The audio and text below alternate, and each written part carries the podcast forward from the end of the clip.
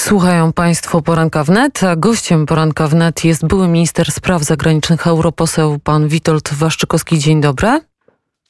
Dzień dobry Pani, dzień dobry Państwu. Wczoraj zakończył się szczyt G7 w Kornwali. Liderzy najbogatszych państw świata zobowiązali się do wspólnej odbudowy świata po pandemii koronawirusa. Padły też ustalenia co do szczepionek przeciwko COVID-19 dla najbiedniejszych państw. Wśród zobowiązań są takie deklaracje jak kontynuowanie programu wsparcia gospodarczego tak długo, jak będzie to konieczne ale też żądanie, by Rosja podjęła działania przeciwko osobom przeprowadzającym cyberataki.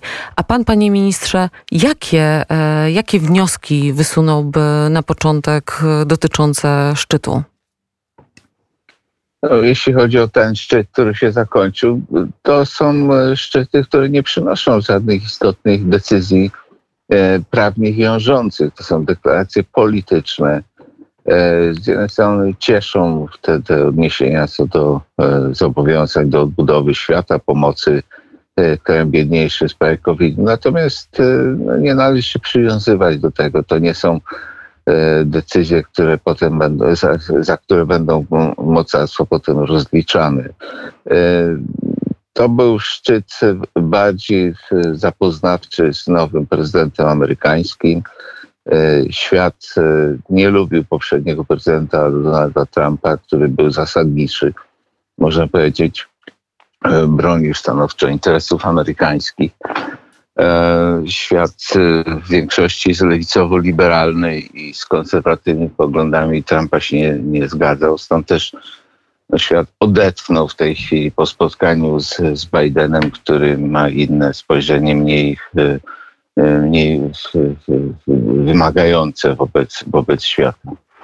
To w którą stronę będzie e, ta wielka siódemka dryfować albo iść, w zależności od, e, od tego, jakie kroki, bo rozumiemy, że to są deklaracje polityczne i one nie są w żaden sposób wiążące, ale pojawia się też wezwanie do Chin, e, żądanie właściwie od Chin pełnego i dokładnego śledztwa w sprawie pochodzenia koronawirusa, który e, przecież wiemy rozprzestrzenił się na cały świat. Pana zdaniem, e, czy może jest jeszcze za wcześnie, żeby takie wnioski wysuwać, ale jak e, prezydentura e, Bidena zmieni politykę światową w, w kontekście tego spotkania tych największych? Te spotkania nie tworzą jedności siódemki, czy ona wcześniejsza z była G8. Trzeba powiedzieć, że na poziomie jeszcze ministrów finansów spotyka się G20 ale tak jak powiedziałem, to są wszystko deklaracje polityczne, to, to nie oznacza żadnej jedności tutaj świata naj, najbogatszych. E, no, cieszy też to żądanie wobec, wobec Chin, aby współpracowały w sprawach e, COVID-u i tej, tej jakby źródła tej, tej pandemii. No ale to, jak powiedziałem ciągle, ja się nie przywiązuję do tych spotkań, do tych decyzji, bo one mają charakter polityczny. I tak jeszcze raz podkreślę, to spotkanie było wyłącznie kurtuazyjne. Mm, miało pokazać Bidena światu, świat chciał zobaczyć Bidena. Bardziej bym wyróżnił to spotkanie bilateralne e, z Borisem Johnsonem. Tam Boris Johnson miał nadzieję na odnowienie takich e, specjalnych więzi e, transatlantyckich między Stanami Zjednoczonymi i Wielką Brytanią. Liczył na e, porozumienie o współpracy w ramach wolnego handlu, no bo po wyjściu, po Brexicie, no on szuka dla siebie, czy w ogóle Wielka Brytania szuka dla siebie miejsca w świecie w tej chwili. Tymczasem doniesienia sensacyjne dotyczą też Polski, gdyż Financial Times opublikował wczoraj tekst o tym, że Polska i Węgry nie poprą propozycji Stanów Zjednoczonych dotyczącej minimalnej stawki podatku, którą miałoby zapłacić międzynarodowe korporacje dotyczące e, globalnego podatku cyfrowego. Jak e, e, podaje gazeta, nie może być tak, że G7 dyktuje nam stawki podatkowe w naszym kraju, powiedział dziennikowi minister finansów Tadeusz Kościński. Czy Wcześniej były jakieś oznaki, że my jednak nie dołączymy do tego, wbrew wcześniejszym zapowiedziom rządu polskiego, że my dołączymy do tego podatku. Czy były jakieś oznaki, czy na etapie, nie wiem, rozmów w Europarlamencie już były jakieś przesłuchy o tym, że my do tego podatku się nie chcemy e, dołączyć? Znaczy dla mnie to jest nowa wiadomość, e, ponieważ nie śledzę tej części e, działań gospodarczych. Natomiast e, wiem o tyle, że Polska rzeczywiście nie lubi, aby dyktowano jej warunki rozwoju gospodarczego. Chcemy zachować jak najwięcej instrumentów przy, się, przy swoich, w, swoich prerogatywach.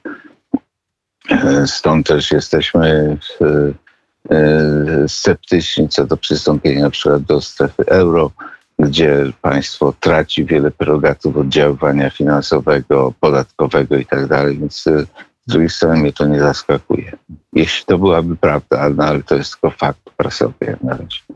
E, fakt prasowy, ale jednak dosyć mocny, ponieważ e, tutaj wszyscy liczyli na to, że będziemy, e, będziemy jedną ławą szli. Tak naprawdę ja nie mam zdania na temat tego, czy ten cyberpodatek dla dużych korporacji jest nam potrzebny, czy nie, bo na tym się po prostu nie znam. Ale też obserwowałam to, co się działo, jeśli chodzi o spotkanie Macrona w Kornwalii. Jak pan by odczytał zachowania Francji w kontekście tej grupy najbogatszych siedmiu państw? No, sam Macron przeszczęśliwy. On opowiada, że jest zachwycony Bidenem. Y, Biden niczego wielkiego nie oczekuje od Europy, tak jak poprzednio oczekiwał Donald Trump. Donald Trump domagał się od Europy że wszystkim, aby wydawało odpowiednie sumy na y, modernizację armii, aby poparła go w kwestiach chińskich i tak dalej. No Biden e, w tej chwili opowiada, że Ameryka wróciła, że dyplomacja wróciła, on chce się dzielić z Europą za odpowiedzialnością za wszystko. E, więc e, Francja tutaj jest zadowolona, ponieważ może odzyskać jakiś margines swobody bez krytykowania, poprzednio za czasów Trumpa, bez zmuszania do jakiejś współpracy. Mówili e, przedstawiciele najbogatszych państw, to co przytoczyłam na początku, że e, żądają zaprzestania cyberataków e, od Rosji. A e, pan, panie ministrze, ma dobrze zabezpieczoną swoją pocztę. Pytam tu w kontekście ataku na poczty, na konta szefa kancelarii pana ministra Dworczyka. Czy ten cyberterroryzm już e, dotyka nas w takim stopniu, że właściwie nie jesteśmy w stanie zabezpieczyć się w żaden sposób?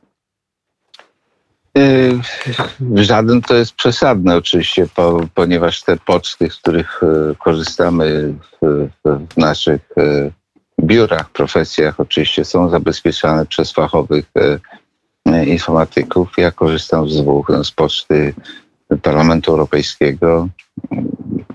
Z tego co widzę, ona ma straszne ilości zabezpieczeń szczególnie tam, gdzie chcemy głosować, gdzie chcemy wchodzić na jakieś dokumenty wrażliwe, to są to jakieś mniej więcej dwie, czasem trzy e, bariery, które kodowane, aby, aby wejść w taką stronę. E, natomiast no, prywatna poczta, no to jest na, normalnie korzystam z, z takiej poczty, no, jak, jak funkcjonuje każdy na jednym z portali e, polskich e, dużych. Jak ona jest zabezpieczona, tego nie wiem. Natomiast no, służy tylko do, do wymiany prywatnej korespondencji, która nie ma żadnej politycznej wrażliwości. Czy cyberwojna e, jest już e, faktem, czy dopiero zaczyna pełzać? Ja pamiętam, że rok, mniej więcej rok temu e, był atak na serwery Akademii Sztuki Wojennej w Warszawie i wtedy na stronie internetowej Akademii ukazał się list otwarty rektora komendanta, oczywiście spreparowany i wymierzony w NATO. Takie rzeczy się dzieją w całym świecie i to nie jest domena tylko naszych serwerów i naszych poczt, ale zastanawiam się, skoro już G7 mówi oficjalnie o cyberatakach, E, w kontekście Rosji, to czy to jest jedyne, e, czy to jest już tak potężne, realne zagrożenie, czy jeszcze to są tylko po prostu pokłady dezinformacji? Nie, to jest zagrożenie. E, kiedy byłem ministrem spraw zagranicznych, informatycy MSZ-u mówili, że codziennie jest kilkaset ataków hakerskich. Oczywiście większość z nich to były takie ataki, powiedzmy, domorosłych hakerów, którzy dla żartów, dla, z ciekawości to robili. E, natomiast e, tak samo kilkakrotnie rząd spotykał się i był informowany przez odpowiednie służby E, że były również ataki na sieci bankowe polskie i tak dalej. O tym się nie mówi, o tym, tego się, tych rzeczy się nie upublicznia. Nie, nie, nie publicznia, nie zdradza, po to, żeby nie dawać satysfakcji między innymi hakerom, żeby nie e, no po takim ataku, który prawie się gdzieś udał, żeby nie właśnie instruować hakerów, że to akurat to było prawie skuteczne, prawda? ale to są, to są codziennie. No jak powiedziałem, większość z nich to są po prostu ludzie, którzy robią to dla sportu, takiego w cudzysłowie, dla żartów, ale bardzo często zdarzają się ataki hakerskie jakichś zorganizowanych grup. No, słyszeliśmy od lat już tę koncepcję farmy troli, prawda? Mamy te boty, które, które atakują nas. Proszę zobaczyć, każdy polityk ma to doświadczenie, iż kiedy wystąpi na, na Twitterze czy Facebooku z jakąś ostrą wypowiedzią, natychmiast pojawiają się dziesiątki czy setki wpisów. Mm, e, jeśli się wejdzie w taki spis, okazuje się, że to, to jest e, e, to, to jest adres, który założony był wczoraj, ma kilkudziesięciu o kilkadziesiąt osób, które śledzi, a więc no, to są mm, stworzone automatycznie przez E, algorytmy, jakieś, jakieś wpisy. Także mamy do czynienia z wojną. Tak. Ja, ja akurat z Pani wspomniałem Akademii Sztuki Wojennej jestem wykładowcą, również nawet adiunktem i tłumaczę swoim studentom, że przyszły konflikt na się zacznie, zacznie się od tego, że zostanie odcięty internet, internet. a potem prąd. Mhm. E, I dzisiejsze pokolenie, tak zwane head down, E, to zdjęcia wszystkie pokazują sławne zdjęcie z Louvru, gdzie grupa młodzieży siedzi na e, głównej sali, nie patrzy na obrazy wokół, tylko wszyscy w smartfony.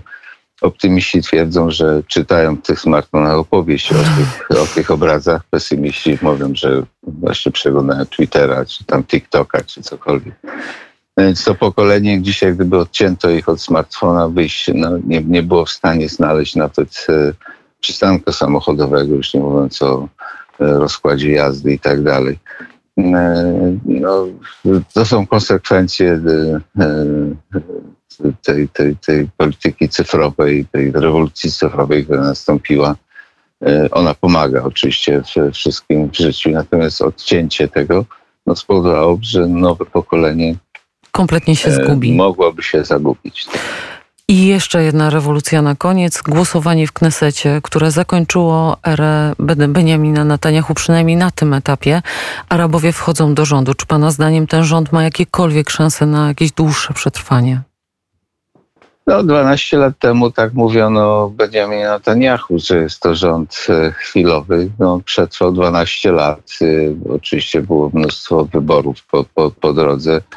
E, my mamy takie powiedzenie w Polsce, że prowizorki są najtrwalsze. Często e, to społeczeństwo izraelskie jest podobne do polskiego, też jest podzielone z wiele partii. To może być e, z jednej strony trwała prowizorka, która może ich zlepiać, ale może to za kilka miesięcy się rozsypać. Także tam trudno przewidywać coś.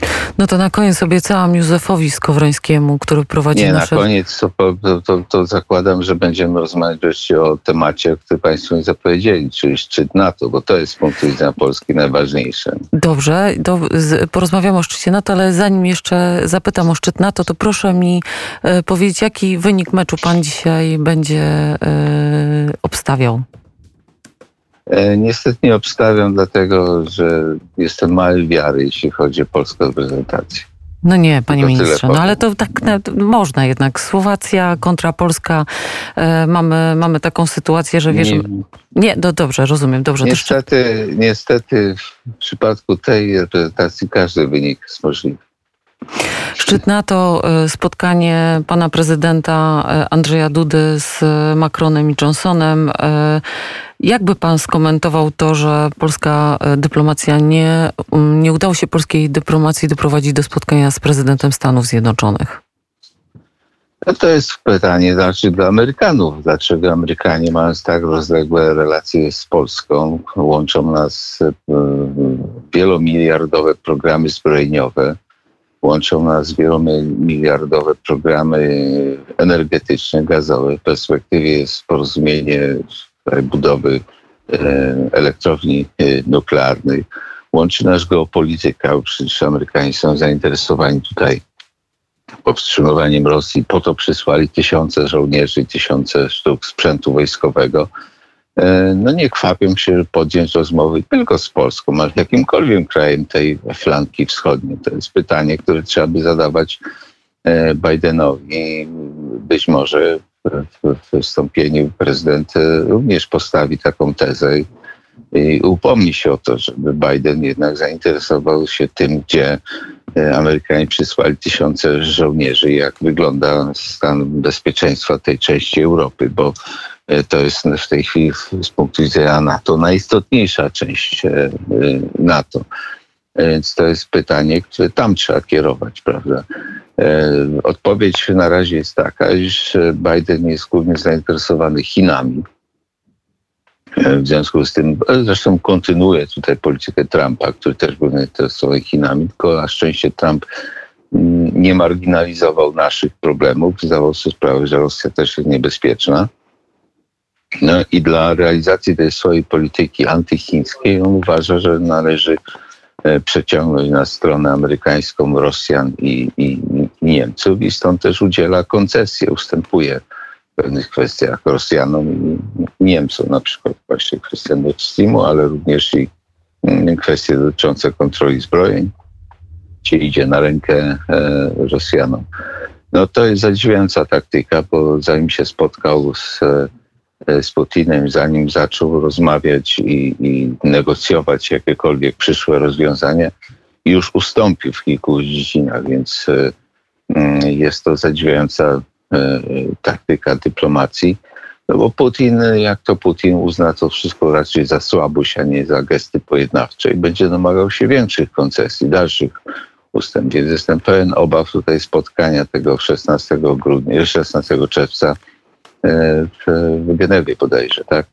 Natomiast dzisiejszy szczyt natowski jest, ma podobny charakter jak ten szczyt G7. To jest też szczyt E, zawsze taki szczyt NATO odbywa się po wyborach amerykańskich, gdzie mm, on ma kilkugodzinny tylko wymiar, gdzie nowy prezydent amerykański przedstawia się.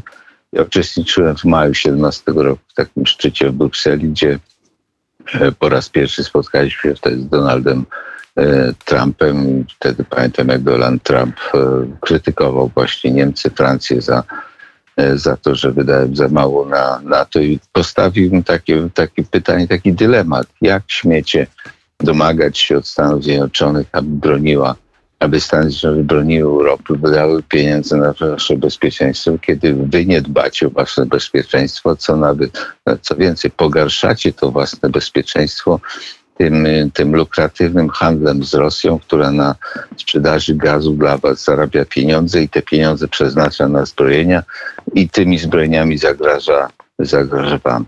Więc pokazał takie błędne koło, w którym znalazła się wtedy Europa, co się bardzo nie podobało oczywiście Europie. No i teraz Biden się bardzo podobał. Biden taki dylematów nie stał przed Europą i pokazuje im e, tego, w jaki sposób e, zachowuje się E, no, samobójczo po prostu, samobójczo. Ale jednocześnie e, deklaruje silne przywiązanie Ameryki do zasady napaść na jednego, to napaść na wszystkich. Myśli pan, że to jest po prostu czyste takie PR-owskie zagranie, czy e, Amerykanie... No, to jest retoryka, on bardziej wszedł ideologicznie. Tutaj wiele było i w Europie, i przed jego przyjazdem. Teraz będzie informacji, że on chce Y, zbudować jakiś obóz demokratyczny, że tutaj jest, e, tak jak do tej pory w NATO podkreślano, że NATO musi być skutecznym sojuszem, który ma bronić, odstraszać i oczywiście prowadzić dialog ze swoimi adwersarzami. W tej chwili sam Biden i jego współpracownicy podkreślają, że to ma być sojusz wartości, że sojusz ma dbać o demokrację i tak dalej.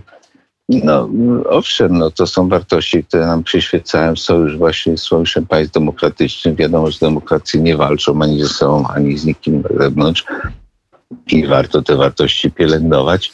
No ale nie może być tak, że sojusz się zajmuje tylko takimi wartościami dba o wewnętrzną demokrację w krajach, natomiast nie dba o bezpieczeństwo tych krajów. Nie po to sojusz był powoływany. Więc widzę tutaj bardzo mm, duży taki ideologiczny aspekt, powiedziałbym nawet skrzywienie tutaj tej administracji Bidena w tej chwili. Mamy nadzieję, że się wyprostuje. Bardzo serdecznie dziękuję za rozmowę w poranku wnet. Dziękuję bardzo. Były minister spraw zagranicznych, europoseł Witold Waszczykowski był gościem poranka wnet, a teraz Coldplay.